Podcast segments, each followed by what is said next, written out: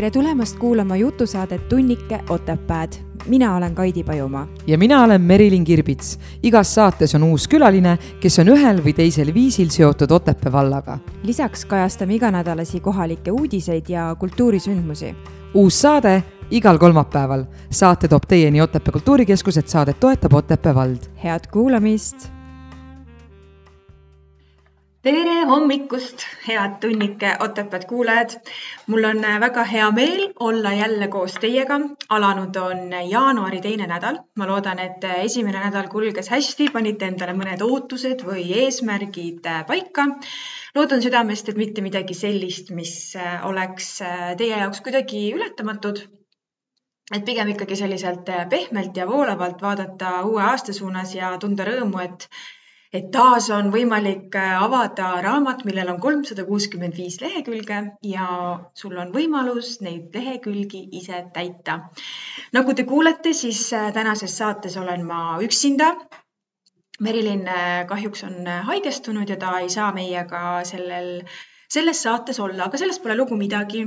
saame kenasti hakkama, peagi-peagi on, on meie juures ka meie külaline, sellenädalane külaline ja salvestame temaga siis juba tunnike Otepää neljateistkümnendat saadet.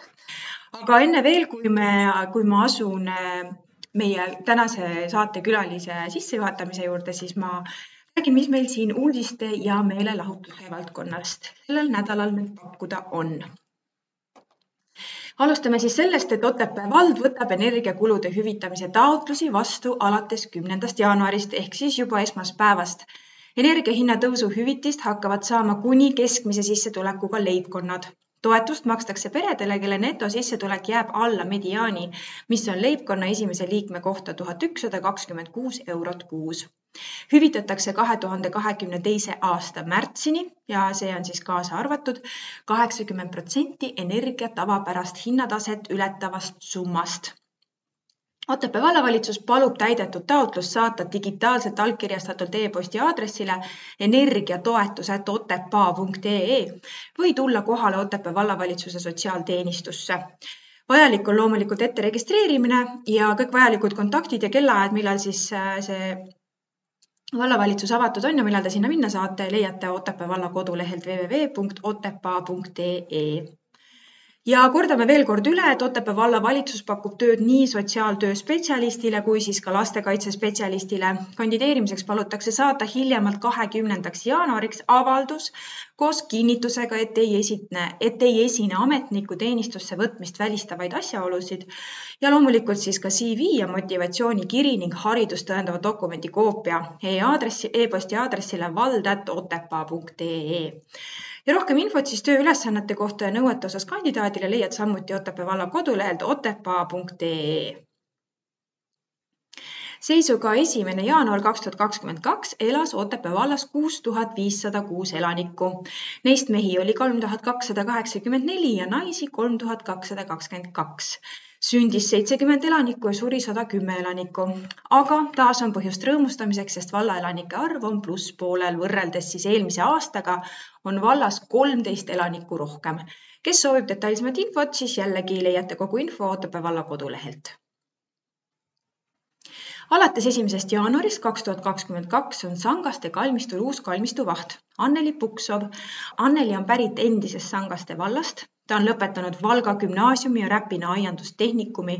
eelnevalt on Anneli töötanud Sangaste lossis nii majahoidja, giidi kui ka peakokana. enne haldusreformi töötas ta Sangaste vallas haljastusspetsialistina. Anneli suureks hobiks on iluaiandus ja Anneli ootab heal meelel valla kodanike ettepanekuid kalmistu heakorda puudutavates küsimustes e-postil anneli.puksov@otepaa.ee. Otepää vallas käivitub kohe-kohe vabatahtlike seltsiliste teenus. kui soovid sellest rohkem teada, siis tule seltsiliste kohvikusse kohvikusse oodatakse aktiivseid kogukonna liikmeid, potentsiaalseid seltsilisi ja kõiki teisi huvilisi. räägitakse projektist, kes on seltsiline ja mida temalt oodatakse, kellele ja missugust tuge seltsiline saab pakkuda ja nii edasi. Valgamaal toimub kohvik kaheksateistkümnendal jaanuaril kell kolmteist null null kuni viisteist null null Valga kultuuri- ja huvialakeskuse galeriis. Aadressil Kesk üks, Valga. Lisainfo Helen Metsmaa, projekti koordinaator Põlva, Valga, Võrumaal ja saate talle kirjutada helenmetsmaa.gmail.com. Metsmaa on siis ühe A-ga lõpus alates äh, eelmise aasta detsembri lõpust on ametis palgaline vallavalitsuse liige, abivallavanem Raivo Kalda. Raivo Kalda on lõpetanud Otepää gümnaasiumi ja Tartu Ülikooli matemaatika erialal. ta on Otepääl töötanud pikka aega eraettevõtluses, aga ka Otepää gümnaasiumis õpetajana. Raivo Kalda on olnud tegev tuntud ööklubi Comeback, toitlustuskohtade Oti pubi Ugandi resto, Ugandi kohviku, talvepargi Otepää Winterplace ja hotelli Murakas omanikuna lisaks sellele on Raivo Kalda tegutsenud vetelpäästjana. kahe tuhande kahekümne esimese aasta kohalike omavalitsuse volikogude valimistel osutus ta Otepää vallavolikokku valituks, kus ta suundus vallavalitsuse liikmeks vallavalitsuse liikme abi vallavanema haldusalasse jäävad ettevõtlus- ja arendusteenistuse, majandusteenistuse ning ehitus- ja planeerimisteenistuse töö koordineerimine. kes soovib Raivoga ühendust võtta, siis e-posti aadress on raivo.kalda at otepaa.ee nii, ja mis meil siis siin äh, uuel nädalal meelelahutust on teile pakkuda? meil on mitmeid-mitmeid spordivõistlusi, loen neid ette. uuel nädalavahetusel on, on väga palju erinevaid spordivõistlusi. nimelt viisteist, kuusteist jaanuar kell kümme toimuvad Tehvandi spordikeskuses Eesti meistrivõistlused murdmaasuusatamises, vabatehnika ja klassika, korraldab Eesti Suusaliit kaheksateistkümnendal jaanuaril kell kümme Tehvandi spordikeskuses toimuvad Eesti meistrivõistlused suusahüpetes kahekümne teisel jaanuaril kell kümme Otepää aptee-, apteekrimäel noorte karikasari, Otepää etapp, kahevõistlus, suusahüpped. kakskümmend kaks jaanuar kell kümme Kuutsemäe suusakeskuses lumelaud ja freestyle, teine noortesarja etapp ja samal päeval, kakskümmend kaks jaanuar Tehvandi spordikeskuses kell viis õhtul suusahullude kaheksas öömaraton. Suusahullude öine suusamaraton tuleb taas juba kaheksandat korda. ikka mõõdetakse Tehvandi vingeid suusaradasid ja vanas heas klassikalises tehnikas. loe pikemalt nende kodulehelt suusahullud.ee O maraton kaks tuhat kakskümmend kaks eelmisi äh, võistlusi ehk siis kõik lumelaud, freestyle Äh, kahevõistlus, äh, suusahüpped ja murdmaasuusatamine korraldab siis Suusaliit ja võimalik rohkem infot leida suusaliit.ee. kahekümne teisel jaanuaril, pange nüüd tähele, kell üheksateist null null toimub Otepää keskväljakul Tartu kaks tuhat kakskümmend neli Otepää talveöö laulupidu öölaulupidu toimub siis juba seitsmendat korda ja kasvav huvi sündmuse kohta näitab, et tegemist on tõeliselt meeleoluka ja maagilise rahvasündmusega. talve öölaulupidu on heaks näiteks suurte spordisündmuste kõrval, et elu kihab tõesti igas eluvaldkonnas ja igal aastaajal. meie korraldajatena usume, et antud pidu lisab väärikat kõla talvepealinna tiitlit kandvale Otepääle laulupeol on kavas kaheksateist eestikeelset maagilist ja armastatud laulu läbi horoskoobi aegade. üles astuvad solistidena muuhulgas ka mitmed tuntud Eesti lauljad. kes kohale tulla ei saa, võib vaadata laulupidu otseülekandena ETV-st. rohkem infot Merle Soonbergilt viis kuus kuus kaks kuus neli kaheksa üks jätke siis meelde, pange kalendritesse kirja üks väga-väga suur sündmus, millega me meie tänavu aasta kultuuriaastat alustame, on siis kakskümmend kaks jaanuar kell üheksateist null null Otepää keskväljakul ja Tartu kaks tuhat kakskümmend neli Otepää talveöö laulupidu head kuulajad, olemegi jõudnud nüüd äh, saate selle osa juurde, kus meil on äh, külaline saatesse jõudnud hästi-hästi kahju, pean veel kord ütlema, et äh, Merilini meil täna siin teie, äh, meiega ei ole, aga ta kindlasti kuulab saate järgi ja ma loodan, et äh, vähemalt ma annan endast parima, et ta saab seda saadet kuulata uhkusega. aga ma ei ole siin stuudios nüüd enam üksi, vaid külaline on saabunud ja juhatan meie tänase külalise sisse. meie tänane külaline on Tallinna mees, kes seitsmekümnendate lõpus otsustas koos perega kolida maale. ta on lõpetanud Tallinna Polütehnikumi põllumajanduse elektrifitseerimise eriala ja kui hiljem üks ajakirjanik temalt küsis, et kes ta on, siis külaline vastas elektriku haridusega orienteeruja leiba teenib koos abikaasaga perefirmas turismiga ja nad osalevad aktiivselt Arula küla tegemistes. ta on ka Arula külavanem. lööb kaasa orienteerumiselus, Tartu maratoni korralduses ja Kaitseliidus. tere tulemast saatesse, Voldemar Tasa tervist. Voldemar mulle kohe alguses ütles, et teeme nii, et ärme Voldemariks kutsu, et ütleme Volli jah, see kõlab paremini. kõlab paremini. kuna Merilin täna meil siin äh, olla ei saa, siis ta saatis mõned äh, mõtted, mida me võiksime kindlasti Volli käest küsida. ja enne seda ma loen ühe pöördumise sulle ette, mis Merilin sinu jaoks ette valmistas ja see kõlab järgmiselt. tere, Voldemar kahju, et ma ei saa hetkel viibida seal teie juures, aga tervitan sind palavalt.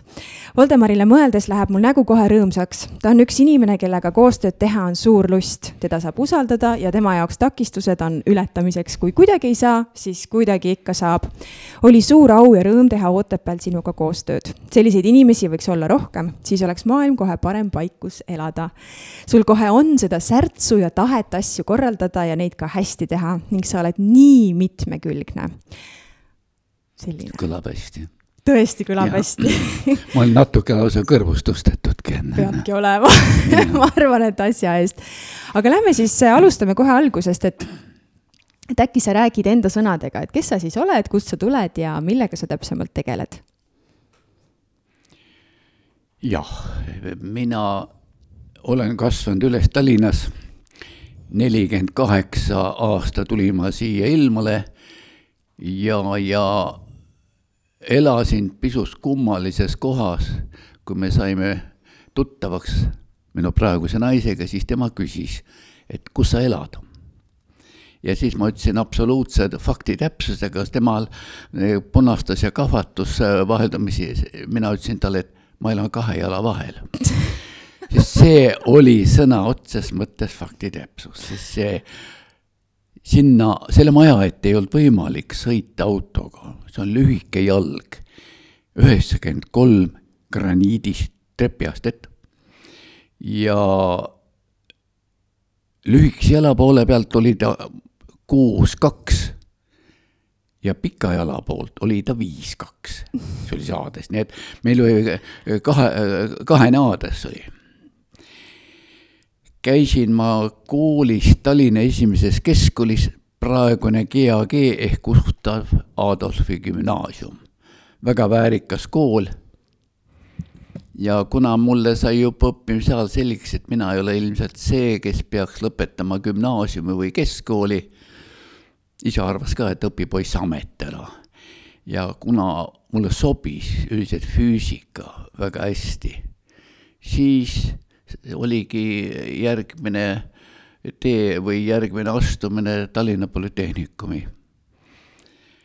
tahtsin küll minna raadiolevi side erialale, aga sinna oli väga tihe konkurents ja kuna need sisseastumiseksami hinded ei läinud kõige paremini, siis kukkusin sellisesse, sellisele erialale, mis tundus algul natuke võõristav, et põllumajanduse elektritseerimine.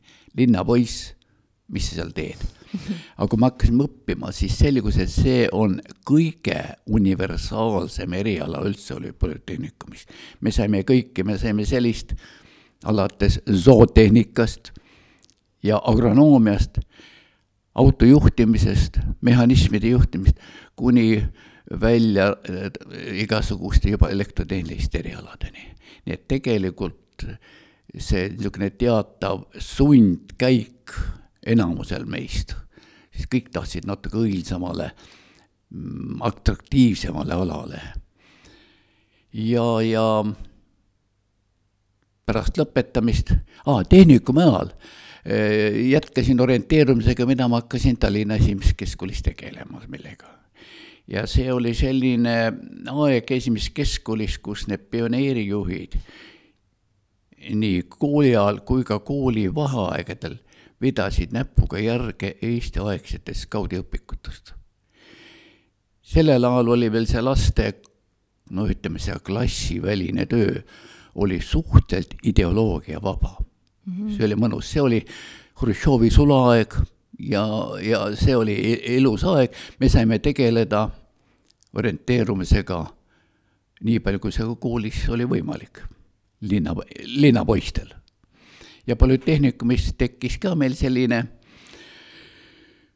võimalus õpingute kõrvalt harrastada. küll me, kehalisõpetaja, meil oli väga, väga hea kehalisõpetaja, see oli Olavi Karikosk. ta oli kõikide tugevate keskmaajooksjate treener tollel hetkel. ja ta pani kõik poisid tehnikumi esimesel kursusel jooksma kaheksasadat. ja siis oli kõrvalt küsinud, kuule, kes see prillidega on mm? -hmm. ja siis ta hakkas meie meelitama ka, et tule, tule kergejõustikutrenni. ma ütlesin, ma ei taha, see on nii igav. hea küll, aga jooksmas käi, jah, ma käin jooksmas, ma käin looduses jooksmas mm. -hmm. ja, ja kui see tehnikum läbi sai, siis oli teatav loogiline järg oli see, et, et ka koroonusse ehk armeeteenistusse sattusime spordipataljoni mm. -hmm. see oli Riias, seal olid Läti ja Eesti poisid pea pooleks, väikse ülekaaluga lätlaste suhtes mm. -hmm. ja mina olen sellest seltskonnast ainuke, kes sai ainult metsasportlaseks, oli teatav tasemenäitaja spordis, kõik ülejäänud poisid olid vähemalt üks kord liidu võistluste võitjad ehk kaasaegses mõistes liidu meistrid. korra nooremad orienteeruvad kaasalt küsisid mul venna käest, et kuule, mis see liidu meister nüüd ära ei ole mm? -hmm. ega ta ei olnudki, ega no midagi erilist ei olnud, et ühel kindlal võistlusel oled parem kõikidest venelastest ja Venele oli esindatud kolme võistkonnaga Moskva, Leningrad, Vene Föderatsioon, Ukraina, Läti, Leedu, Valgevene. ühel kindlal päeval oled neist kõigist parem, oledki liidu meister.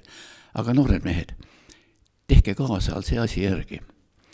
tulge mõnes mõttes liidu meistriks kaasa, mis tulemuseks on Euroopa meistrivõistlustel või maailmameistrivõistlustel, tulemuseks on medal vastavalt võistlusel, sest nii lätlased, venelased, ukrainlased võidavad sealt medaleid, lausa kuldseid mm. -hmm. nii et noh, nii palju siis selle orienteerumisest. aga orienteerumine, nii tore, et, et sa selle kohe jutuks võtsid, et mis see on miski, mis sulle selle orienteerumise juures meeldib, et sa oled endiselt sinna jäänud, ma saan aru, et sa teed seda ikkagi endiselt ju igapäevaselt, eks ju, või no päris iga päev, iga mm -hmm. päev ma vaatan mõnda orienteerumiskaarti, mis mm -hmm. on, ütleme nii. ja, ja palju ma neid võistlusi olen võistelnud, ma nii kaua lugesin, kuni tuhat võistlust täis sai oh,. pärast, jah, pärast seda enam ei lugenud, sest et äh, orienteerumisega alustasin, ma ei mäleta kuupäeva, aga maikuu tuhat üheksasada kuuskümmend üks eelmine aasta sai siis kuuskümmend aastat täis. kuuskümmend aastat, issand. oma seitsmekümne kolmest aastast olen ma siis kuuskümmend metsas eh, traavinud ringi. aga mis sulle meeldib selle orienteerumise juures, et sa lihtsalt ei käi nagu metsas jooksmas, vaid, vaid orienteerumine, et mis, mis see sind võlub, mis selle juures see on võlub? üks võimalus, see on ju, see on mingisuguse inimese ürgse oskuse taastamine ürginimene, kui nii tohib öelda, ta sai ilma erilise kaardi ja kompassita hakkama, sest ta pidi saama. ta kas tuli koopa juurde tagasi mm -hmm. või sai hukka mm. -hmm. ja eks on nende vanade ununenud oskuste niisugune teatav, teatav taastamine. teisalt on, sa viibid looduses ja orienteerumisvõistluste puhul on iga kord see, et see on kordumatu. selle raja peal ja selles, sellel maastikul ei saa sa, eelmine kord, kui sa olid, olid natuke teistmoodi mm -hmm. ja ilmselt järgmine kord, kui tuled uuesti, on jälle mingi uus lahendus. mitte kunagi ei panta kogu rada samadesse kohtadesse. nii et selles mõttes teatav kordumatus, looduses iga kord kordumatus. võtame nagu bridžimäng on bridži mängus need jaotused, mis mängupartneritele tulevad, neid olevat kolm miljonit või? tõsiselt? jah wow., see on, see on ka mm -hmm. väga suur tõenäosus, et sa mitte kunagi enam sellist jaotust ei mängi mm. -hmm et võib-olla jah, see kordumatus ja loodus oleks see, see ongi see põhiline, mis sinna tõmbab. aga kas sulle tundub, sa oled sellega kuuskümmend aastat tegutsenud, et kas sulle tundub, et, et olla hea orienteeruja, et sa pead oskama kuidagi äh, matemaatiliselt või abstraktselt äh, mõelda, sest ma mõtlen minul enda elust nagu selline juhtum, mina olen kohutavalt halb orienteeruja väga,, väga-väga halb, ma kardan sellepärast metsas üksi käia, sest ma kardan mm -hmm. ära eksida ja, ja kui ma nagu kuhugi sõidan, kus on vale tee, siis ma kasutan alati, või noh, uus tee, ma kasutan alati kepsu, sellepärast et ma, tõsiselt ma nagu, ma ei tea, ma ei tea, mis mul viga on igastahes kunagi lapsepõlves oli selline lugu, et äh, ma tegelesin hästi aktiivselt ratsaspordiga ja oli üks laupäevane ilus päev, selline sügisene kuldne ilm ja mõtlesin, et lähme sõbrannaga, lähme metsa. Ja sõitsime seal, noh, kõik olid nagu kuidagi tuttavad rajad ja mingil hetkel keerasime lihtsalt kuhugi mujale, rääkisime juttu, ei pannud enam tähelegi, et kus me jõudsime ja ühel hetkel tundsime, et peaks hakkama nagu tagasi minema. ja ei tea, kuhu suunas minna. ja ausalt öelda, alguses oli see maru naljakas, kaks sellist teismelist tüdrukut naeravad, on ju, oh, oh, oh, on ju aga kui me olime tund aega juba seiklenud ja ei olnud nagu leidnud tuttavat teed, siis äh, meil oli meelde jäänud, eks ju, et hobused lähevad alati koju, siis me lasime lihtsalt ratsmed lahti ja lasime neil lonkida, ilmselt me läksime väga suure ringiga, aga me jõudsime koju tagasi, muidugi oli pime juba ja see talli omanik oli suhteliselt närvis, sest ega noh, tol hetkel ei olnud nii populaarne ka neid telefone niimoodi noh, kakskümmend aastat tagasi kaasas kanda, need jäid talli. Ja peale seda on mul ikka tõsine trauma sellest, et ega ma väga orienteeruja nagu ei ole Mm. aga ma mõtlen, et, et ka reaalained olid koolis mul pigem nagu kehvapoolsed, et kas seal võib olla mingi seos? Eh, kindlasti on, on. Eh, ma olin kaheksa aastat noortetreener. ise sain enam-vähem selle kätte, mis ma nagu tahtsin või kust ma nägin, et ma edasi ilmselt ei saa. sest noh, kõik Marjamaale ei pääse, mõni peab Karjamaale jääma lihtsalt ja, ja, ja selle tõttu siis hakkasid nagu noori treenima, noortel läks hästi mm. -hmm mul olidki põhilised olid tüdrukud. kolmveerand olid tüdrukud, poistega kambas, sest et eh, segakamp on parem. poistekambad distsiplineerivad tüdrukuid ja vastupidi. ja, ja mingil hetkel olin ma ka Eesti eh, noortekoondise peatreener ja siis, kui laagrites olime, siis me lasime alati kaasa võttetunnistused ja vaatasime, siis panime kirja et meil tekkis eh, üks teooria teiste treeneritega, et peab olema tugev reaalainetes, matemaatika, füüsika ja ka kunst, joonistamine mm. -hmm. niisugune hea mälu mm, -hmm. pildimälu. ja tegelikult niimoodi ongi. ja hästi jämedalt julgen mina öelda, et umbes kaks kolmandikku on need nõndanimetatud jutumärkides matemaatikud mm. -hmm. ja üks kolmandik on need heade hinnetega joonistamises. ta lihtsalt on nägemismälu, tal on hea nägemismälu. samas tuleb kasuks selline, selline, selline võimekus, jah, see võib öelda, see on täitsa loodusand, et inimesel on vanajumalast või ükskõik kellelt antud suunataju mm. -hmm. ühe poisiga me tegime katset, kel, kes jooksis ilma kompassita ja tegime, panime klaveritooli peale, keerutasime jätsin kinni, et kus pool põhjasuund on. ja ta näitas enam viieteist kraadise täpsusega, et sinnakanti wow.. selliste vastu on raske saada mm. -hmm. ka maailmameistrivõistlustel on saanud medaleid üks soomlane, kes jooksis ilma kompassita. uskumatu. nii et no loodus on võib-olla looduse kapriis, aga võib-olla see tohutu boonus sellele inimesele. ja, ja ma täiesti imetlen, sest minu meelest on see hästi võrratu äh, võrratu spordiala tegelikult, mida harrastada, et ongi, et ühelt poolt sa oled looduses, sa noh, nagu sa ütlesid, et kunagi ei ole täpselt samas kohas rada või täpselt samamoodi. see arendab su mõtlemist, noh, kõik, kuidas nagu looduses hakkama saada ja teiseks on see ka ju väga tore tegevus, mida koos sõpruskonnaga ju harrastada, eks ju et mul üks sõber aastaid-aastaid tegeleb orienteerumisega ja ta on mind ka vahepeal kaasa kutsunud, ma ütlesin, ma, must ei ole väga abi, ma lihtsalt tolgendan seal kaasas, et et kuidagi ei ole, ei ole ise nagu sinna jõudnud aga ma tahtsin sinu käest veel küsida, et äh, ma natukene äh, guugeldasin sind enne, kui sa siia saatesse tuled ja leidsin sellise asja, et sa olid seitsmekümnendatel Balti laevaremonditehases treener. jah. mis asja sa seal tegid, mida sa, keda sa treenisid? tähendab, äh, omamoodi, mis viis sinna. seitsekümmend sain kroonust lahti seitsekümmend esimene detsember. see esimene detsember on omamoodi tähelepanuväärne päev, sest et üheksa aastat hiljem, seitsekümmend üheksa, esimene detsember oli mul esimene tööpäev Matsal, kui ma tulin. aga mind ootas kodus Tõnu Raidilt postkaart, mul on see meeles, see on mingi Šveitsi päritolu postkaart Šveitsi kantonite vappidega, hästi uhke, hästi atraktiivne kaart Volli, kui tagasi oled, võta kaasa Ensiga, meie orienteerumisföderatsiooni president oli tema siis, võta ühendust, tal on üks tööpakkumine sulle. ja Moskvast tuli tulnud Eestisse ametikoht, nii et seda nimetati orienteerumisspordiinstruktor. kaasal on ta võrreldav mingi spordiala riikliku treenerina. ta mitte ei treeninud, vaid ta piltlikult öeldes oli ta funktsionär mm, -hmm. riigi poolt kinni makstud funktsionär. Ja olles seal neli aastat ametis või kolm pool, siis mingil hetkel natuke küllastusin. ma ei saanud mm, ise nii palju, mind hakkas väga köitma see treeneri töö ja kui oled ametis igatepidi siis sa ei saa kõiki asju teha. ajada orienteerumise asju, teha kuskil kaarti lausa, treenida kedagi, no kuskil lööb laine üle pea kokku ja, ja sa jääd hättav mm. -hmm.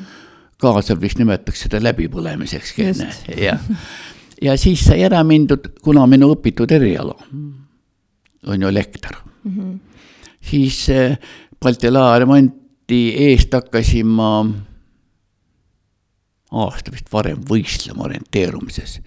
ja öeldi, et kuule, tule siia. muidu oled elektrik, aga, aga eh, sa saad iga kord, kui sa tahad kuhugi ära, siis meil on võimalusi, et sa saad ära käia.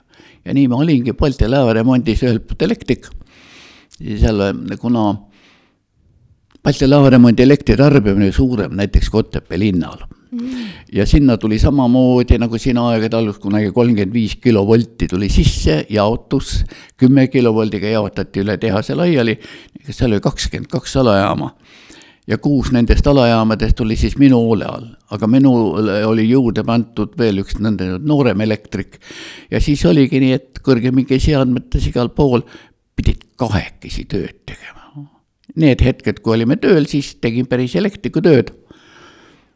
Ja, ja muul ajal siis sai käidud, see muu aeg kippus muidugi olema niisugune talve koolivaheajad. Ja ka siis suvi mm. -hmm. et tegelikult oli see võimalus puhkuse ajal, vabadel päeval tegeleda oma meelisharrastusega ja veel nakatada ja, ja neid, kes on juba nakkunud või nakatunud eh, neid ka siis edasi viia orienteerumise teel sa oled oma elus nii palju spordiga kokku puutunud, et, et kuidas, mida sa tunned, et mida sport sulle andnud on, et kui sa ei oleks sporti enda elus leidnud, kuid kas sa, kas sa oleksid siis teises kohas enda eluga? vot ei tea, minul oli mingil hetkel tahtis elu niimoodi, et ma olin esimesed kolm klassi olin võimelisest vabastatud ma olin seitsmeaastaselt kaks ropsu järjest kollatõves. Kleenuke linnapoiss, Toompeal kasvanud, päikest väga palju näinud nagu kartuliidu, ütleme, valge ja, ja peenikene. ja, ja siis, kui hakkasin, aga isa vedas mind hästi palju metsa. tema oli jahimees ja, ja sai hästi palju looduses käidud. eks sellest tekkis teatav maastikul käimise meeldivus ilmselt.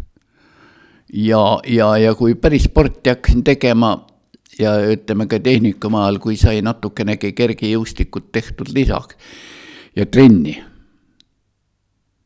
siis, siis eh, põhitõed, mis olid ka ütleme spordipati ajal, said eh, selgeks, et kui sa oled väsinud, see on väsimustunne, sa oled ära kulutanud kolmkümmend protsenti oma ressursist, ülejäänud seitsmekümne kallale loodus ei lase sind niisama mm..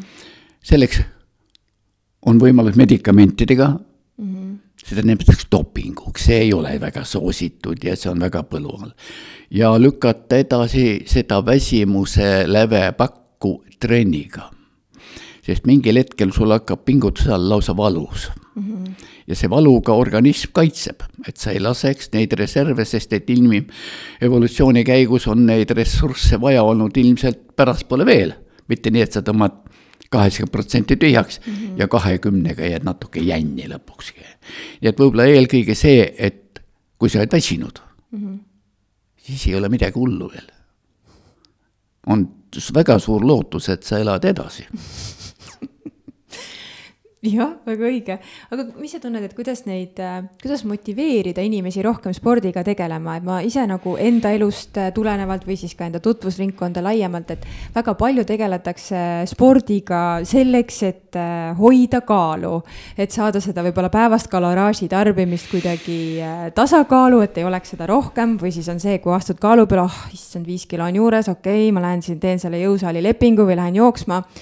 Et kuidagi mulle vähemalt enda äh, enda elule vaadates mul jääb nagu mulje, et inimesi motiveerib liigutama äh, justkui nagu see väline, väline ilu või siis see figuur, aga mitte nii palju see sisetunne, mis äh, või see heaolutunne, mis spordi tegemisel tekib. tegelikult sisetunne hakkab dikteerima seda, et sa peaks tegelema, siis on mõni, mõni tagavõimalus juba läinud mm. -hmm. sest kui vaadata neid inimesi, kes, ma saan eelkõige meestest rääkida, kes seal viiekümnendate lävepakul vaatavad, nad on kolm-nelikümmend kilo ülekaalus ja tuleb tegema hakata. aga selleks ajaks on liigse kaaluga juba koormatud liikmed, eriti põlved mm. -hmm labajalad, jalavõlvid ja vot siis võib tegelikult, kui hakkad väga palju äh, rabelema, sa teed endale kõigepealt liiga mm. -hmm. see, mida püütakse ka praegu teha, et harrastajatele tehakse võistlusi, see on kurjast oh.. harjasta, harrastaja ei tohiks võistelda, ta jookseb. kuidas nüüd öelda, et ei, mitte eksam, vaid mhm. arvestus peaks olema, et ta on seal käinud mm -hmm. enda tempo järgi joosta mm. -hmm filmidest jääb ka teinekord mulje, eriti jänkide filmidest, et jooksta ja nii edasi. ja vaatad seda tempot, see on niisugune saja kuuekümne, saja seitsmekümnese pulsiga jooksutempo, seda on mhm. kurjast. see on õudne. inimese organismil on see lugu, et kui ta ületab sada viiskümmend lööki, südame pulssi, siis ei saa ta enam hakkama sisse hingatava hapnikuga, see, mis kopsu kaudu, vaid ta peab minema selle hapniku kallale, mis on veres laostunud. noh, seda nimetatakse aeroobne ja anaeroobne võimekus mm. -hmm. orienteeruja ei tohi anaeroobsesse mitte kunagi minna, sest organism kaitseb niimoodi, et ta võtab natukene ajult verd see ei ole enam mõtlemisvõimeline mm. ja selle tõttu treenitakse, algul ongi sada kakskümmend, sada kolmkümmend pulss, mitte sada nelikümmend seitse, selleks, et veresooned, lihased, liigesed, kõõlused, kõik hakkavad vaikselt tulema mm. -hmm. sest et mina olen oma sportlase teel jooksnud, see on seitsekümmend kolm aasta märts ma jooksin kuus, viissada kakskümmend kilomeetrit, see tegi sada kuuskümmend kilomeetrit nädalas. issand. ja see on juba selline, kus tegelikult ja kõige raskem trenn oli see, mis tuli võistluse ajal teha. reeglina teisipäevasel päeval oli nõnda tühjendustreening. tegid kolm tuhat sooja, väga tugev võimlemine ja siis kümme korda tuhat meetrit kolm minutit viisteist sekundit või kolm minutit kümme sekundit. paus oli nii palju, et sa ei äh,, mitte ei seisnud, vaid sörkisid edasi ja lasid selle saja kahekümnese löögi peale. noh, seal kulus kaks-kolm minutit ja ukse peale. kui selle trenni olid ära lõpetanud, tegid lõdvestusjooksu ka, siis kokku said võib-olla kuusteist kilomeetrit. söögiisu ei olnud. juua juua juua. Ja alles seal paar-kolm tundi hiljem tahtsid süüa. nii et tegelikult ongi see endaga tegelemine väga pikk ja see nõuab pühendumist. väga kerge on seda teha, kui on seltskond, sõpruskond, kellel on umbes samad mured või samad -hmm. ahvatlused, ütleme niimoodi, siis on kergem hakkama saada järsku sügada kukalt pühapäeva õhtu, et homsest hakkan trenni tegema ja nende põgusate interneti soovituste järgi. Tehakse liiga. ühelt poolt jah, jõusaal võib hea olla, aga jõusaali õhk. Mm, -hmm. ruumi õhk, metsa või tee äärde, jah, sest ega, ega jõusaalis sa võid ju seda jõudu treenida, aga, aga, aga noh, selles suhtes, ega sul sellest võhma juurde ei teki, et mina olen näiteks praegusel hetkel, noh, ma olen aastaid iga talv suusatanud ja kuidagi see talv olen kuidagi eriti nagu, mul on isegi tunne, et ma olen nagu sõltuvusse natuke sattunud, et, et nädalavahetustel, nii kui on ilma, ma just pühapäeval sain suusad kätte uuest määrdimisest, määrimisest ja sain eile rajale, issand, no nii hea oli sõita äsja määritud suuskadega. Ja, aga mul tekkis üks päev selline mõte nagu seoses selle suusatamisega, et et ma teen alati sellist noh, oma, oma kindlat trajektoori, mida ma sõidan kuskil kuus-seitse kilomeetrit, et ma tean, et mul kulub selleks tund aega, ma tean, mada-, tempo on hästi väike ja nii edasi. aga see on see, mis minule, minule sobib, et ma naudiksin seda protsessi. ja siis ühel nädalavahetuse päeval mõtlesin, et ma teen siis natuke pikemalt, et noh, kuskilt olin kuulnud, et kui sa iseennast kaugemale ei sunni et siis, äh, siis sa ei saagi nagu rohkemaid distantse tegema, sest noh, mõni aasta tagasi oli parem vorm ja noh, sõitsin ka kakskümmend kilomeetrit, ei olnud nagu mingit probleemi. Ja siis sundisin ennast ja sundisin ja sundisin ja lõpuks, kui ma tagasi jõudsin, siis noh, mul ikka täitsa iiveldas kohe, et oli ülepingutus ilmselt ja siis ma nagu mõtlesin omaette, et mis see siis nagu õige on, et, et kas tulebki sundida, et need distantsid läheksid pikemaks või siis tegelikult on ikkagi see, et sõidad nii kaua sedasama marsruuti, kui sa tunned, et sul on nagu jõudu jätkata, et, et ei, et ei liigu sinna nagu piiri peale või? ma mhm. kasutan sind ära ja küsin eh, treeneri nõu tegelikult on niimoodi, et ega raja pikkus või soorituse aeg tegelikult ei, nagu ei tapa, ütleme niimoodi. selle intensiivsus teeb liiga mm. -hmm. et seesama pulsi jälgimine tollel ajal oli see niivõrd harjumuspärane, noh, igasugused pulssimeetrid, need olid inimkonna helju tulevik tollel ajal ja selle tõttu eh, hetkeks peatusid mm -hmm. ja õppisid, kas kuue sekundi jooksul lugesid või kümne sekundi jooksul lugesid. Ja siis oli noh, hetketehe ja, ja läkski, said teada, milline see oli mm. -hmm. sest et äh, soovitus jällegi niimoodi, et alla saja kahekümne pulss tekitab rohkem söögiisu. ta võib-olla nii hästi ei mõju, et sada kakskümmend, sada kolmkümmend, mhm. see natuke juba arendab lihaseid mm -hmm. ja te, mida edasi minnakse oma treeninguga, vargsi hakkab see kiirus ka tõusma. sest et sama pulsiga ollakse näiteks kolmandal aastal hoopis juba, hoopis, hoopis mm, kabedamalt astujad, ütleme niimoodi mm. -hmm ja see saab niivõrd harjumuseks, mina äh, ei ole nüüd enam käinud hulga aega hommikuti jooksmas. vend, vennaga on see lugu, et korra ajakirjanikud küsisid, et, et kuule, et mis sinu ja venna vahe nagu orienteerumises on. et ega palju ei ole, et, et mõlemad, mina olen olnud ühe korda liidukoondise kandidaat seitsmekümnendal aastal, aga vennas on olnud kaksteist aastat liidukoondises nipet-näpet vahed.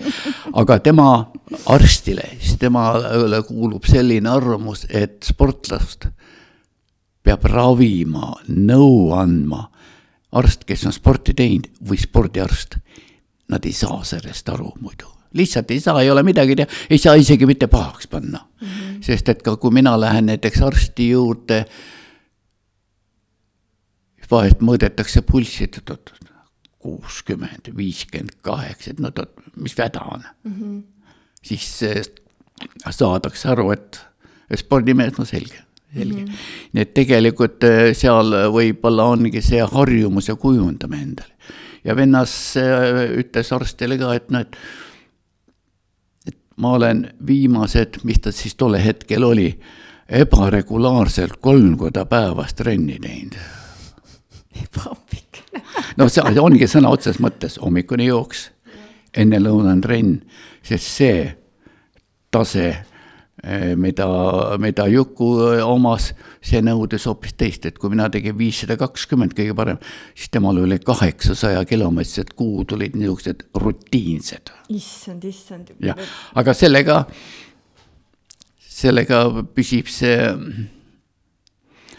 püsib nahk toores, nagu öelda, päris ja spordimeest, noh, mis võiks veel olla niisuguseks ahvatluseks või inimesele, kui ta sporti teeks või miks võiks teha, on see, et spordiinimene astub pisut teistmoodi. ta annab aktiivseid eluaastaid juurde just tagumises otsas nagu. et sa näed natukene teistmoodi, sa astud natukene kabedamalt kui tavalised mitte sporti teinud inimesed mm. -hmm. see on üks suur eelis tegelikult.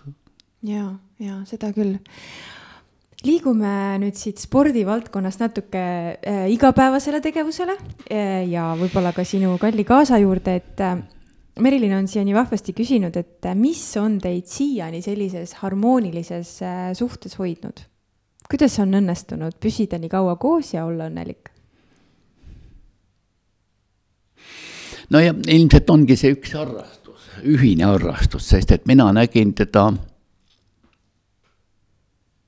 ma olin kahekümne viiene või, ühel võistlusel ja ta oli ka orienteerumas, nii et, et orienteeruja ilmselt abiellub orienteeruda, sest et muidu eh, jääb arusaamatuks, miks ta läheb laupäev, pühapäev, kurat teab kuhu Eestimaal mm, -hmm. tuleb tagasi, kotitäis musti riideid kaasas, ise roosa ja rahulik mm. -hmm.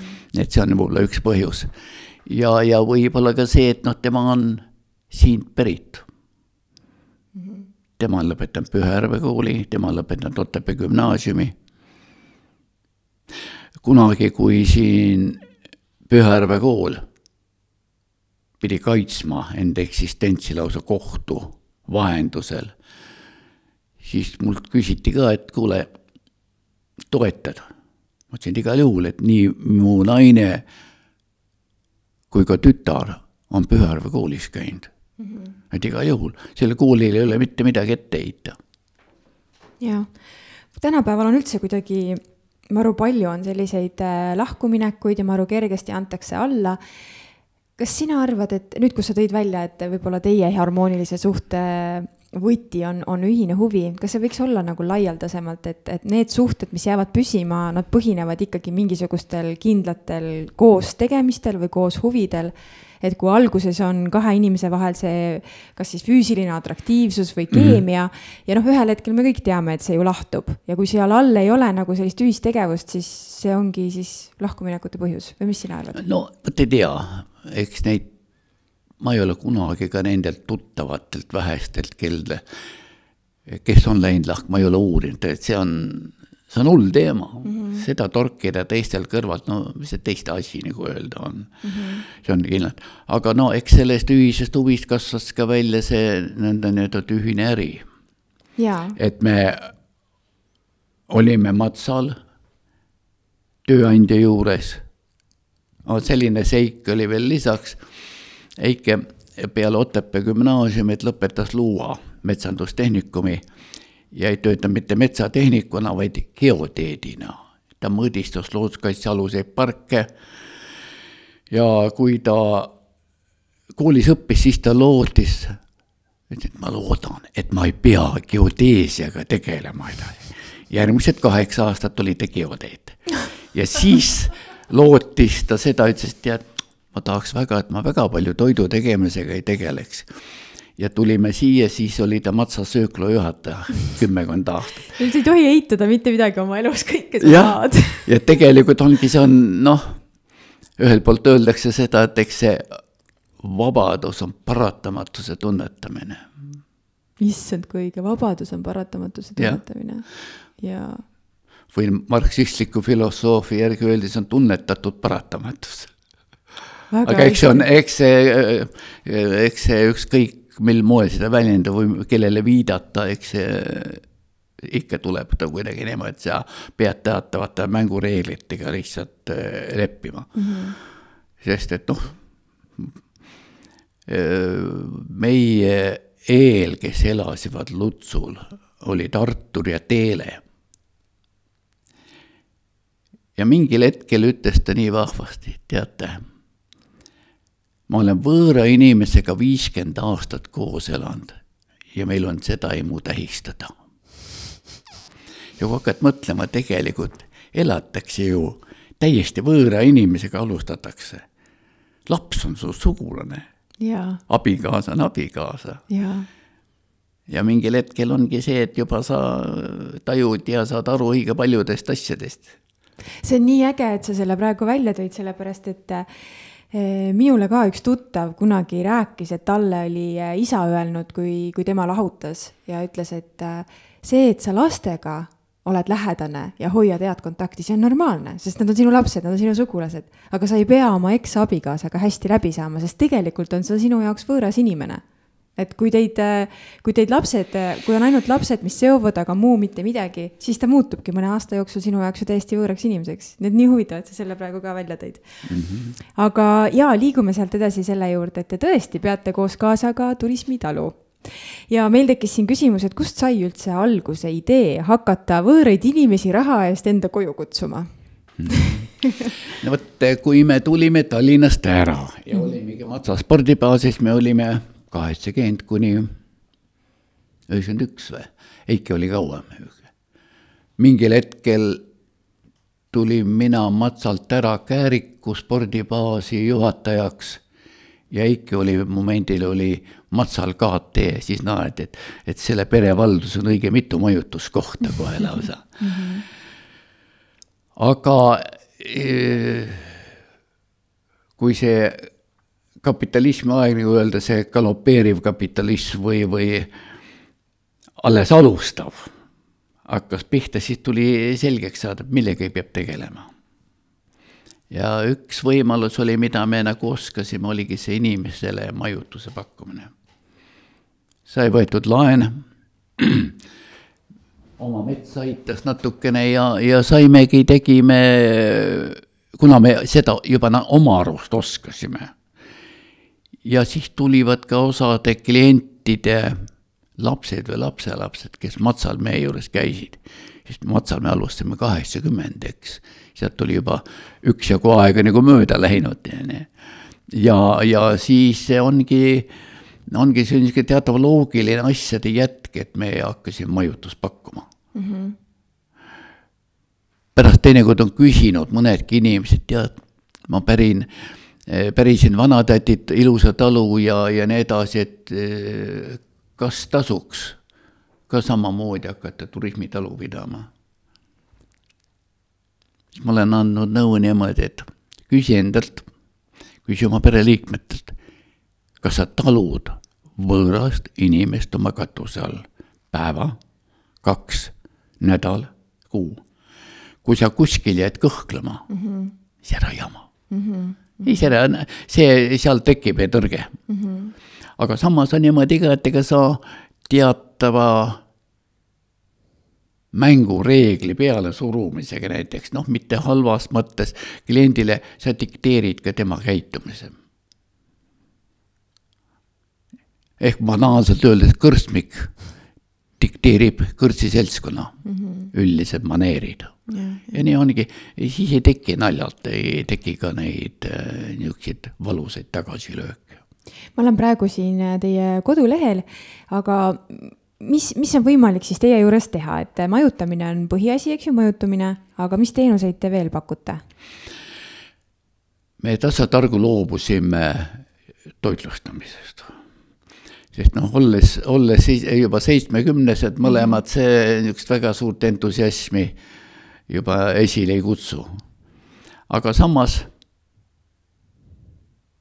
seiklusvõistlused, orienteerumised.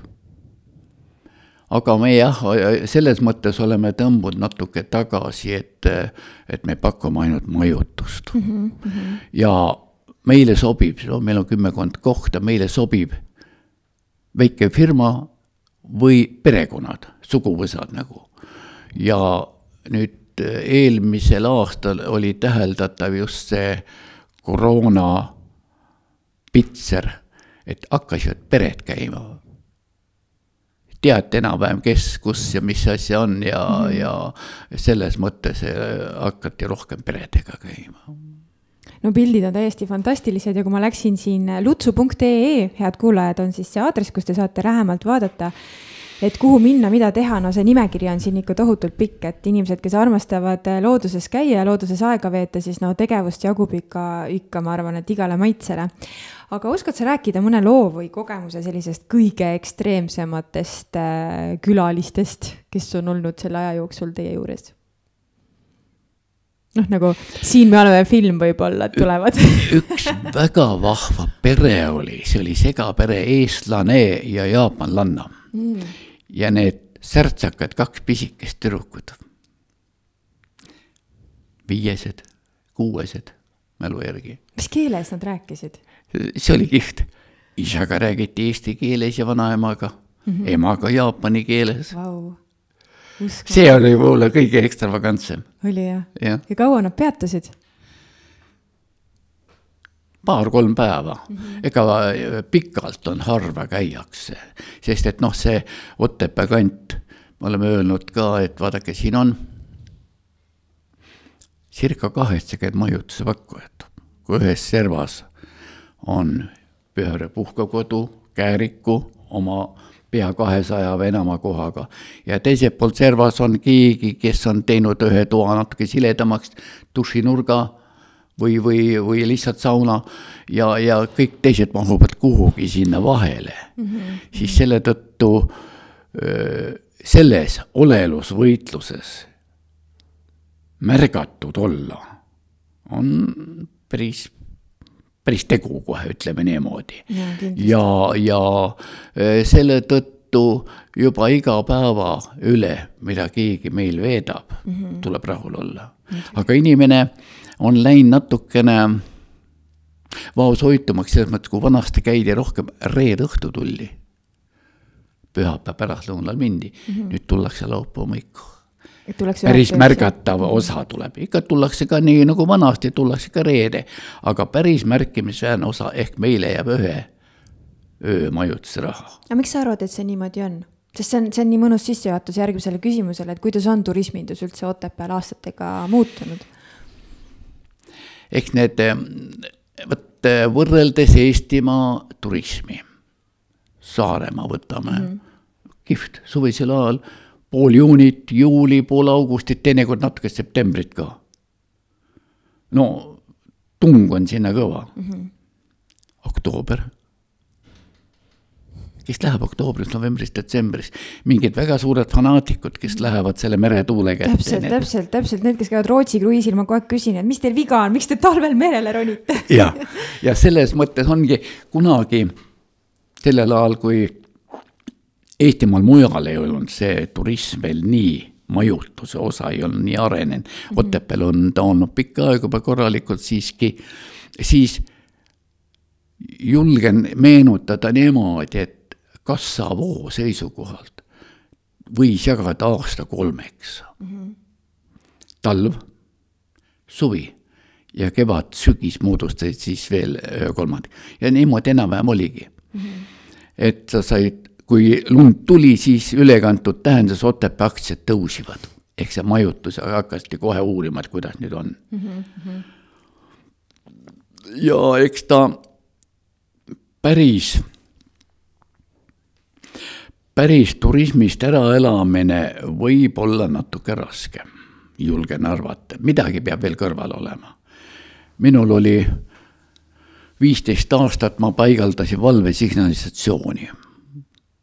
Ja natukene mõne teise firma all tegin ka väikemajade elektrit. noh, see on õpitud eriala ja see tuli ju kergemalt.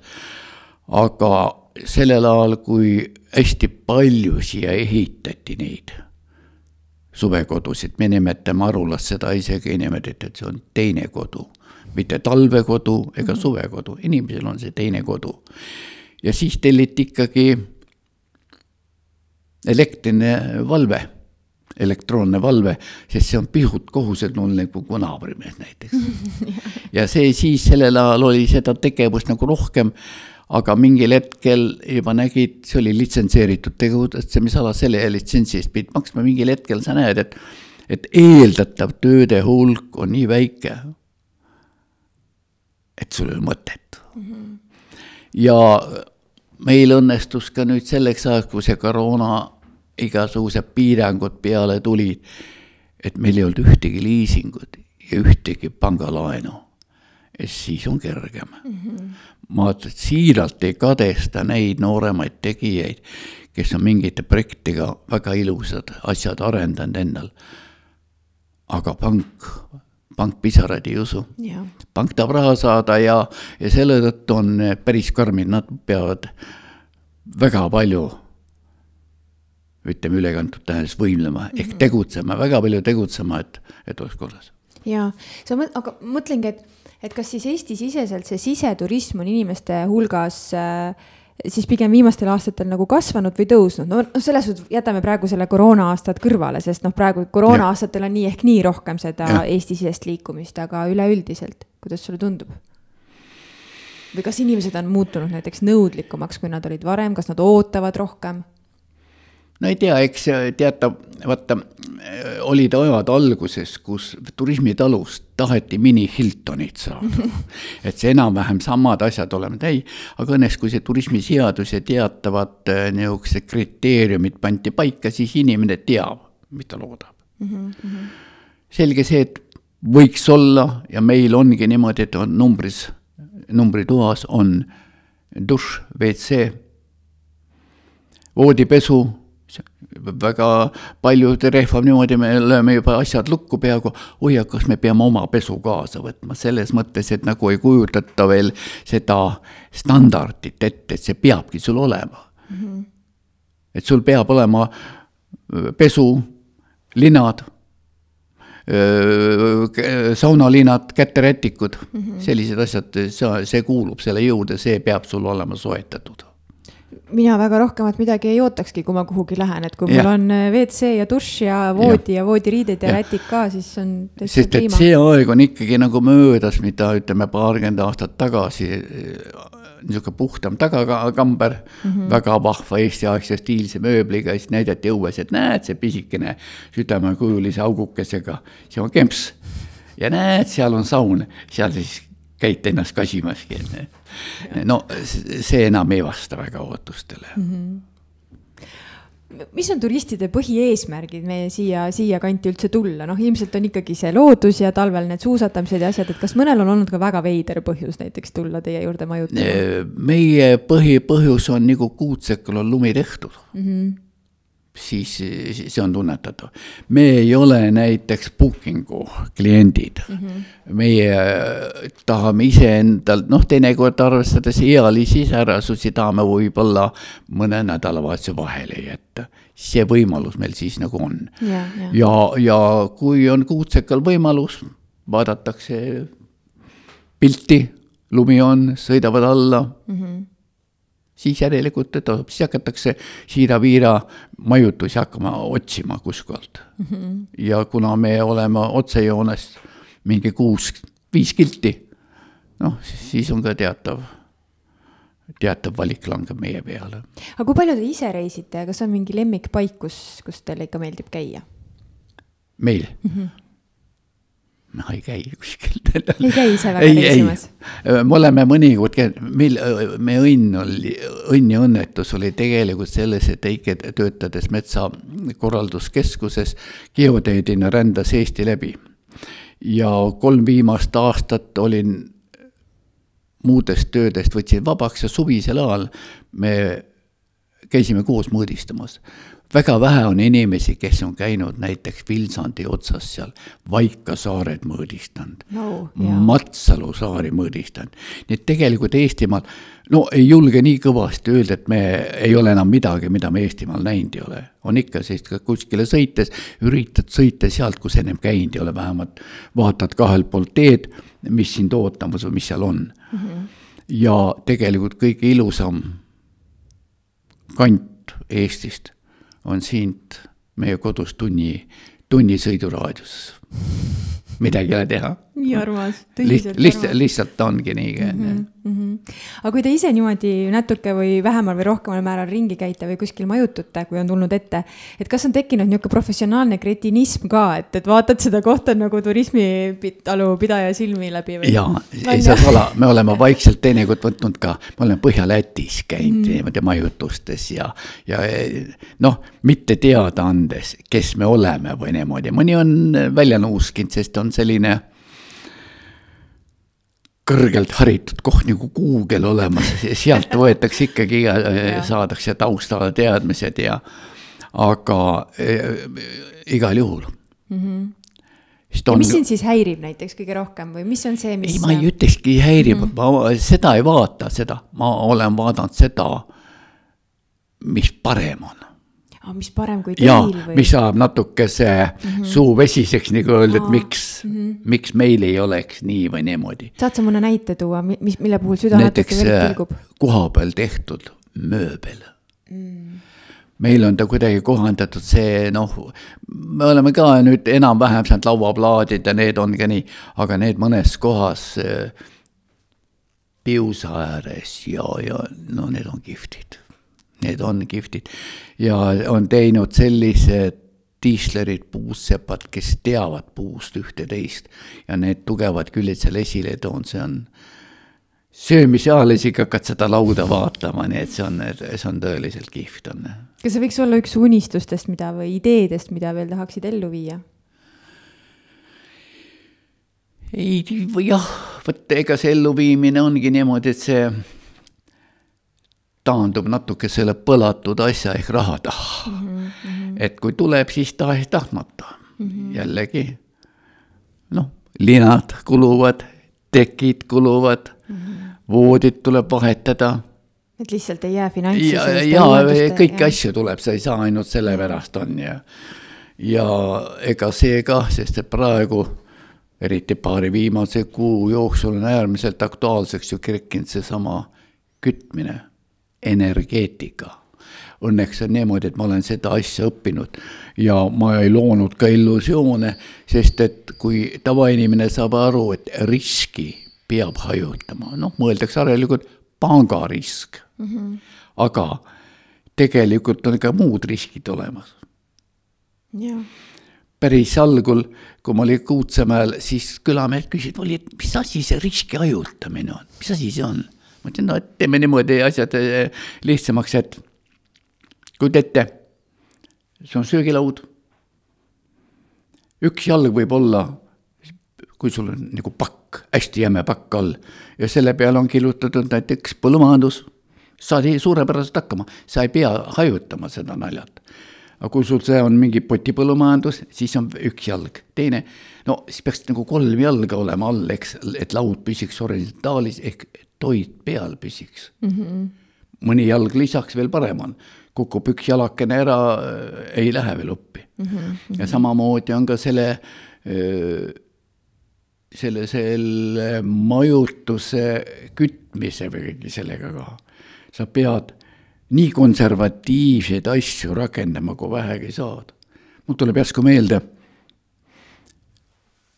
ühe spordibaasi saatus, mida juhiti nagu Tallinnast ja kapitalismi koidikul öeldi, et mm, ei, ei, ei, ahjud välja ja et asi kindel oleks, korksnad ka välja. pandi siis elektrikütte peale ja esimene kuu kogu see spordibaas kolmkümmend kaks tuhat Eesti krooni. no see oli muljetavaldav, ma arvan, see oli niisugune negatiivne mulje. Kui selliseid otsuseid tehakse, siis sellised inimesed ei tohiks otsuseid teha. ja, ja, ja, ja samamoodi on ka niimoodi, et, et eh, tunneks kaasa ainult nendel inimestel, kes otse elektriga kütavad. otse elektri all pean ma silmas elektrikütte põrandakaabel mm. -hmm elektriradikad seina peal. seal ei ole lootust, need ei anna andeks. See on ikka õudne, mis praegu ju toimub, issand. ja, ja et selles mõttes tasuks, et äh, mingil hetkel tegime omale keskkütte, aga me jätsime ka pioneeripliidi väikse küttesüsteemiga ja ahju jätsime alles. sai äh, pandud eelmine aasta maaküte ja peale viit päeva, see viis päeva oli novembri lõpp, detsembri alguses. kui ma vaatasin seda, siis ma lükkasin välja ja jätkasin katlaga mm. -hmm. ja katel on kihvt, on selles mõttes, ma küsin oma koolivenna käest, et millega kütad. ah, puu ja gaasiga on see, oot-oot, mis, mismoodi puu ja gaasiga? no mul on puu-gaasikatel no ehk kaasaegsed katlad ongi niimoodi, et on järelpõlemine toimub, sellega tõstetakse katla kasutegur mm -hmm. ja sa saad sellesama oma metsapuuga. sest et see juurepess ja ürask teevad kuusega kõik selleks, et see kuusk ei püsiks elus ja vahepeal ei tahetud seda metsakuiva kuuske suurt midagi, siis seda kütad mm. -hmm. mõni ütleb, et oi kuusk, see ju tõrvab, et ei tõrva. ta on kümme protsenti peaaegu valgest või hallist lepast parema kütteväärtusega mm. -hmm. tal tuleb hoopis vähem ka tuhka. nii et tegelikult ongi see riski hajutamine igal pool tege-, vajalik, tavaelus ka ja ka kõige otsesemalt küttes, sest see taandub ikkagi sinna raha peale lõpuks. ikka jah, jah. kui äh, Volli meile stuudiosse tuli, siis loomulikult ei tulnud ta tühjade kätega. ta tõi meile Merksiga siin väga ilusaid ja põnevaid äh, meeneid äh, Merilin, nii et kui sa kuuled, siis tea, et sind ootavad siin stuudios väga vahvad asjad. ma täpsemalt võib-olla nendest ei räägigi, aga need puudutavad Arula külaseltsi ja siit nüüd siis minu järgmine küsimus, et et äh, mida tähendab see kogukond Arulas sinu jaoks, Arula külas? -hmm.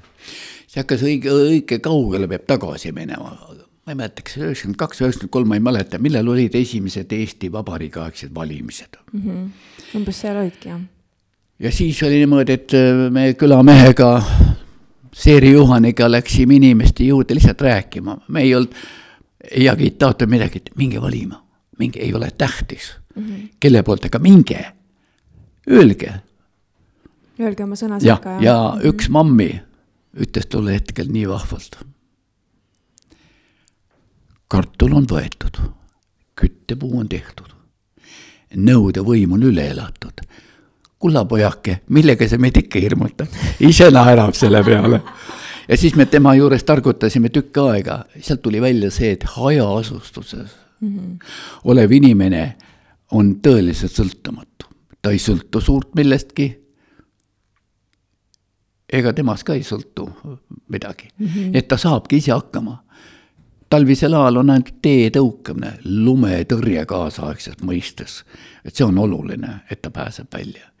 Ja selle seltskonna vanad inimesed, kellega siis ei rääkinud, need on läinud juba sealt ei saa nagu enam suurt midagi küsida.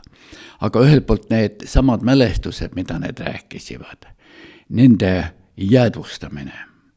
ja kui üheksakümne kuuendal aastal siis hakati rääkima, et külavanemate maja, siis vallas öeldi, et kuule, sa oled juba harjutanud ka siin ja ole.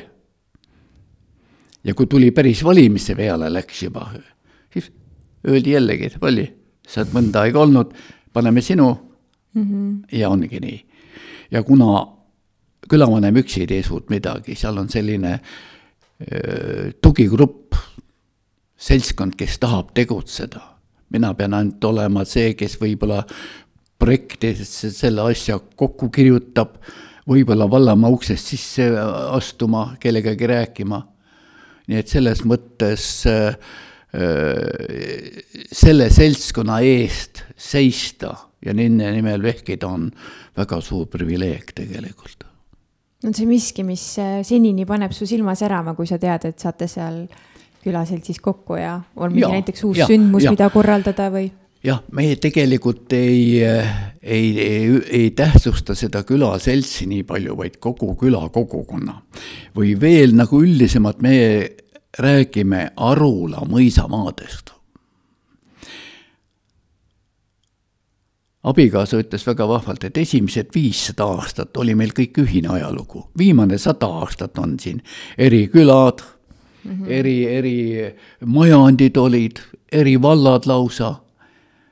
Siis oli kõik. Mats Traadilt küsisin, kui ta oli Lutsul, et millal olid Arula hiilgeajad tead hetkel, et nii jõud, õhk sisse ja kohe tulid. alla vallaajad tuhat kaheksasada kuuskümmend kolm kuni tuhat üheksasada neli. Mitte seda, et need aegud peaks tagasi tegema mm. -hmm. aga et see oli niisugune teatav enesemääramisõigus, sest et kui mõisa olevad talud müüdi talunikele, siis tekkis vajadus valla järgi. kui enne mõis ja mõisnikaasid ja mõnedki asjad, käsid karistasivad nii edasi, siis nüüd läks nagu tsiviilfunktsiooniks vaja. kohtuvärk, sünnid, surmad lisaks kirikule mm. -hmm. Äärmiselt vahva on ajaloomaterjalides vaadata näiteks tuhat seitsesada viiskümmend kaheksa kirikuraamatut, kus on väga ilusa kalligraafilise kirjaga kirjutatud. see on eesti keeles, on natuke teistmoodi. kaks G-d kõrvuti ja, ja nii edasi, no niisugused väga vahvad mm. -hmm. ja, ja see ajalugu on üks asi, millega me tahame tegutseda, millega on tegutsetud, millest ka see raamat äh, natukene räägib ja meil on lisaks blogile, on meil ka oma ajaloolehekülg. ma ei tea Eestimaal teist küla, kellel oleks kaks niisugust elektroonset väljundit või võimalust, et on kodukas, mis kirjeldab ajalugu ja on kodukas, mis seda noh, igapäevast. ega see. on sul need leheküljed praegu peas ka, et saad öelda meie kuulajatele, et siis nad saavad minna vaatama?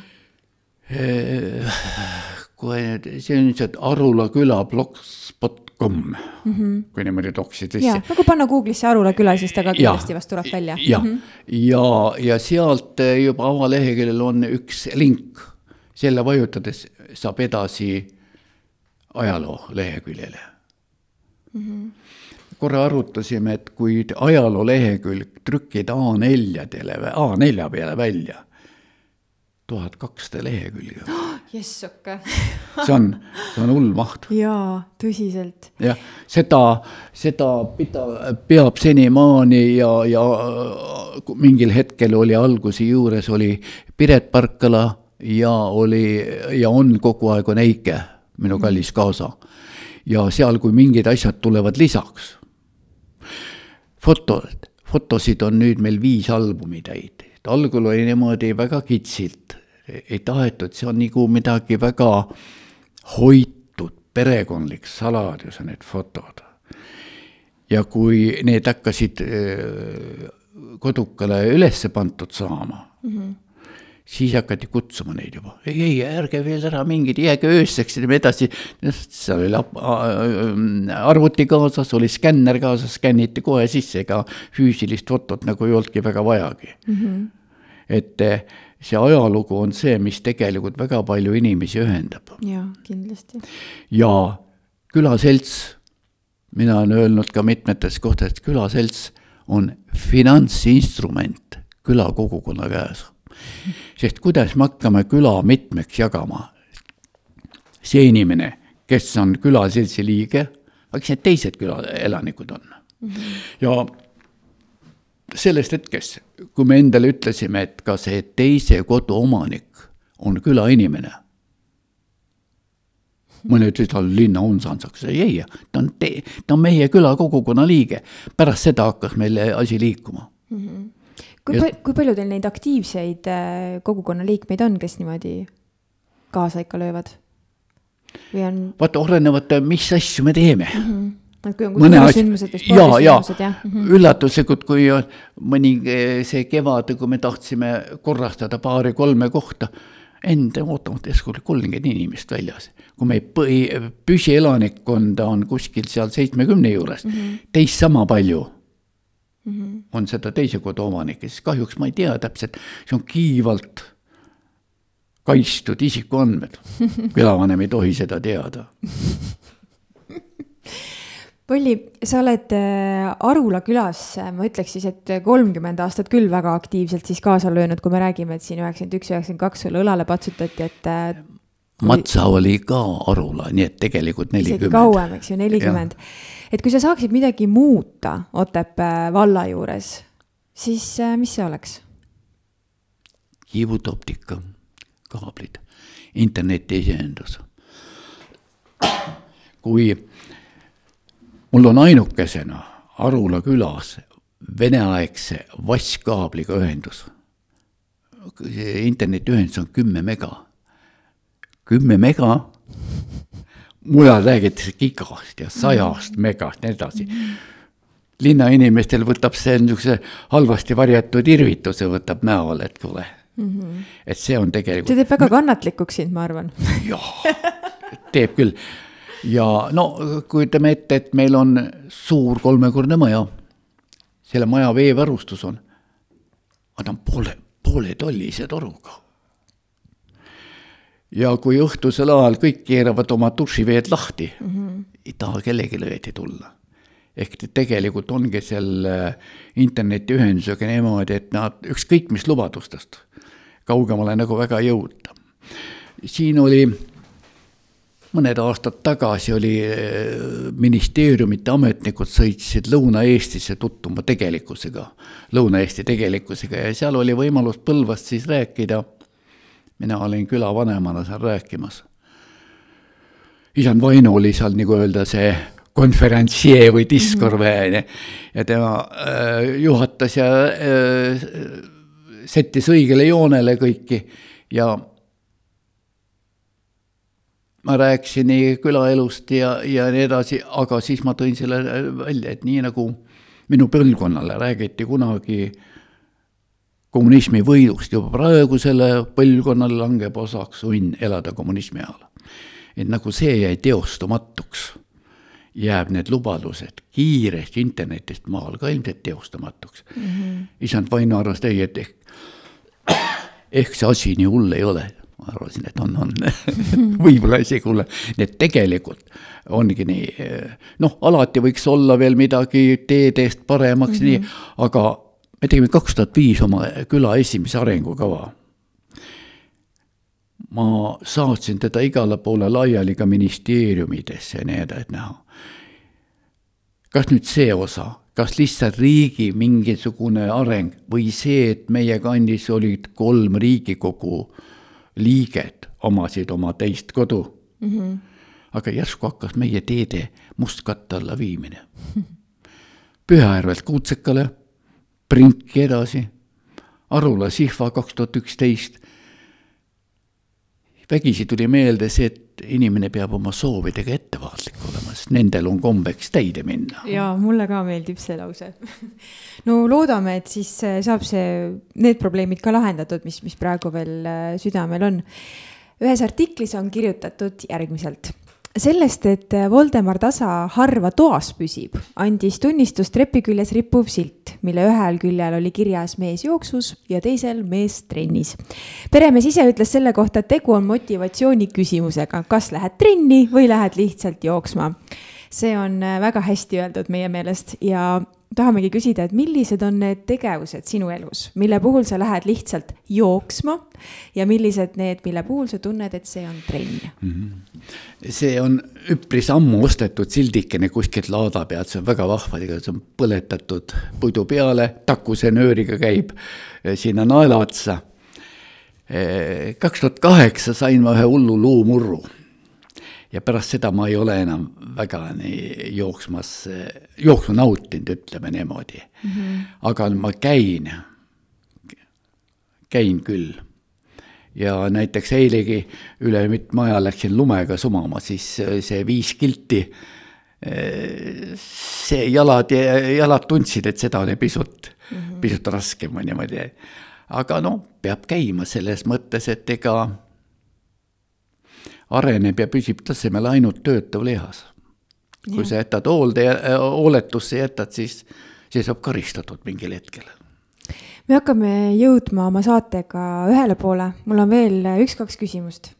üks küsimus on selline, et kust sa leiad motivatsiooni kõikide nende tegevuste jaoks, mis sa teed?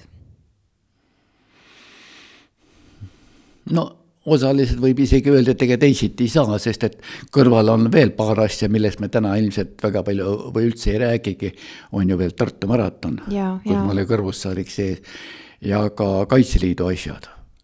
sa võid paari lausega veel nendest ja. rääkida et...? no Kaitseliidus olen ma sellest hetkest, kui ta taasloodi. mis aastal see oli? üheksakümmend, mhm. seitseteist veebruar Otepäält läks siis auto täis, Villise täis läks. taasasutajaid, nagu öelda. ja tollest hetkest saadik olen ma siis selle juures olnud. ma olin ka Erna seltsi või olen senimaani Erna seltsi liige ka Erna Retke üks korraldajatest mm. -hmm. algul vastutegevuses päris see oli niisugune sellel vastutegevuses. Eh, vastutegevus, see on, kui iga grupp on nagu mängult diversioonigrupp, mm -hmm. siis need vastutegevus, tollel ajal oli see väga tõsine militaaroperatsioon lausa mm. -hmm. sinna oli kaasatud Eesti politsei, Kaitseliidu üksused, sest et käsitleti, et mitte ei ole see võistlus kolmkümmend tiimi, vaid ka ühe tiimi kättesaamine on, on diversioonigrupi kättesaamine. sa pidid olema valitsuses ja, ja, ja kõiki need asjad. mingil hetkel öeldi, et sa oled vana noh, ma olin viis, viiskümmend kaks või no, neljakümne kaheksaselt eh, kahe tuhande meetri krossis täie selles saabastes ja varustas. saja kuuekümnest mehest said kaks meest ainult minust jagu. Aga noh, siis ma läksin korralduse juurde mm -hmm. ja pärastpoole korralduse juures me läksime ohutustehnika ja pääste juurde, sest meil olid mõningased juhtumid, kus vajati, et keegi kellel on mingisugust nägemust ja kogemusi, näeks need halvad kohad enne läbi, kui need juhtuvad midagi mm, -hmm. enne kui päris fataalsed asjad juhtuvad. Nii et see Kaitseliit ja eelkõige ka muidugi igasuguste noortevõistluste läbiviimise korraldamisele, läbiviimisele aitamine. aga suusamaraton, kas see aasta toimub Tartu maraton? no tahaks loota.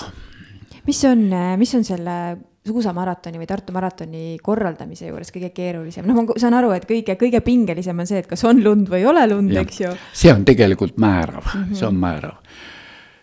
mina olen maratoni juures olnud ka kaheksakümnendate algusest saadik ja kui üheksakümmend seitse jõuti rajaga nüüd nii kaugele, et start koliti siia Tehvandile mm. -hmm siis Alar ütles, et ei, ei Volli, sina ei tule Otepääle, sina jääd Matule.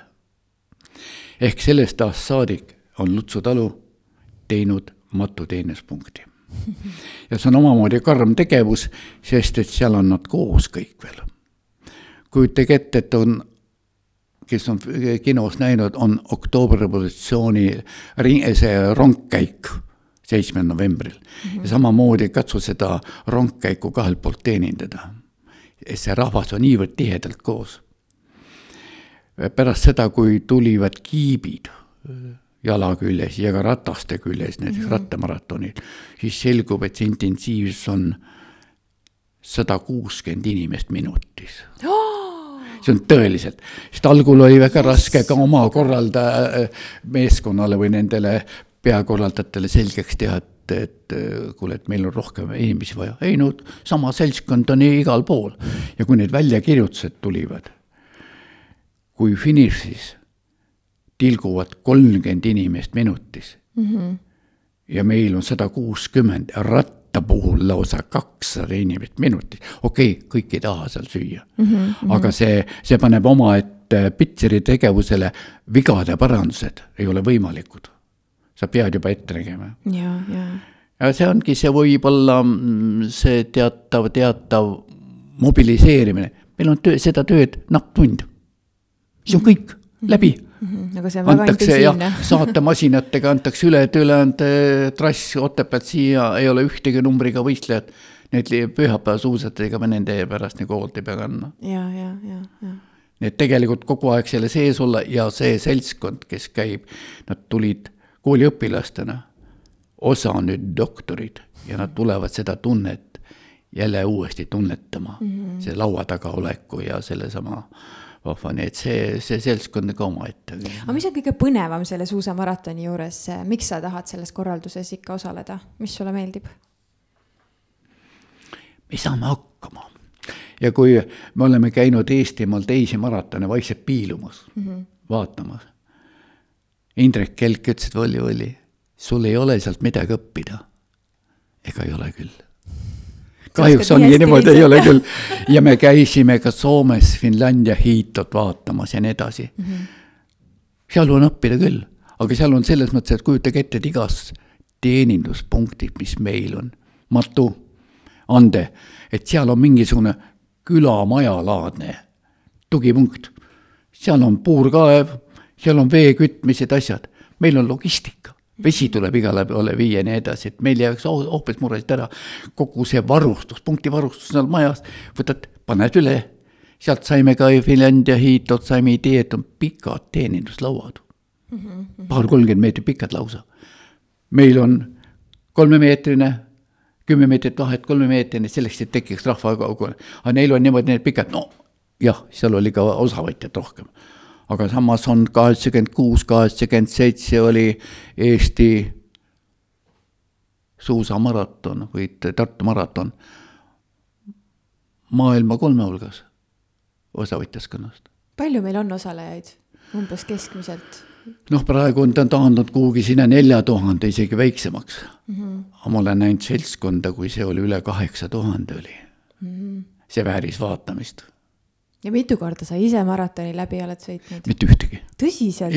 oi, ma mõtlesin, sa ütled mulle siin viis. ei, ei, ei, ei, ei. Paga, pagari, pagar ise sai, ei söö just, just. aga poolmaratoni ka mitte? kas ei. ei ole väga suusataja siis või?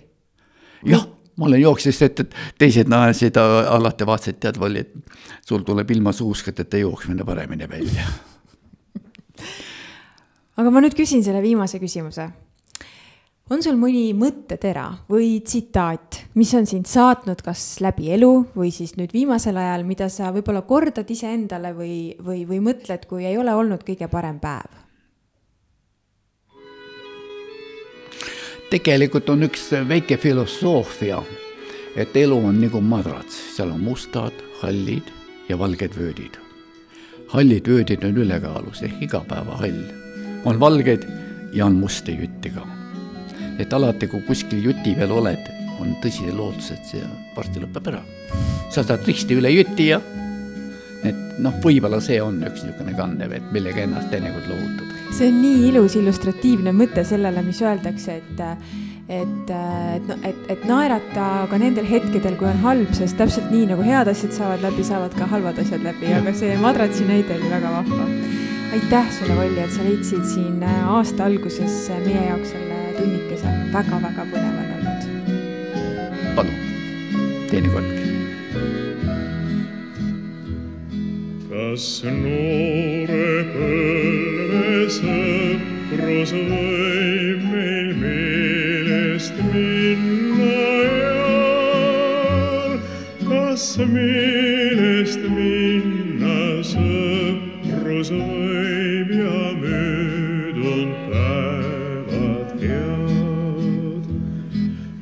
Hmm.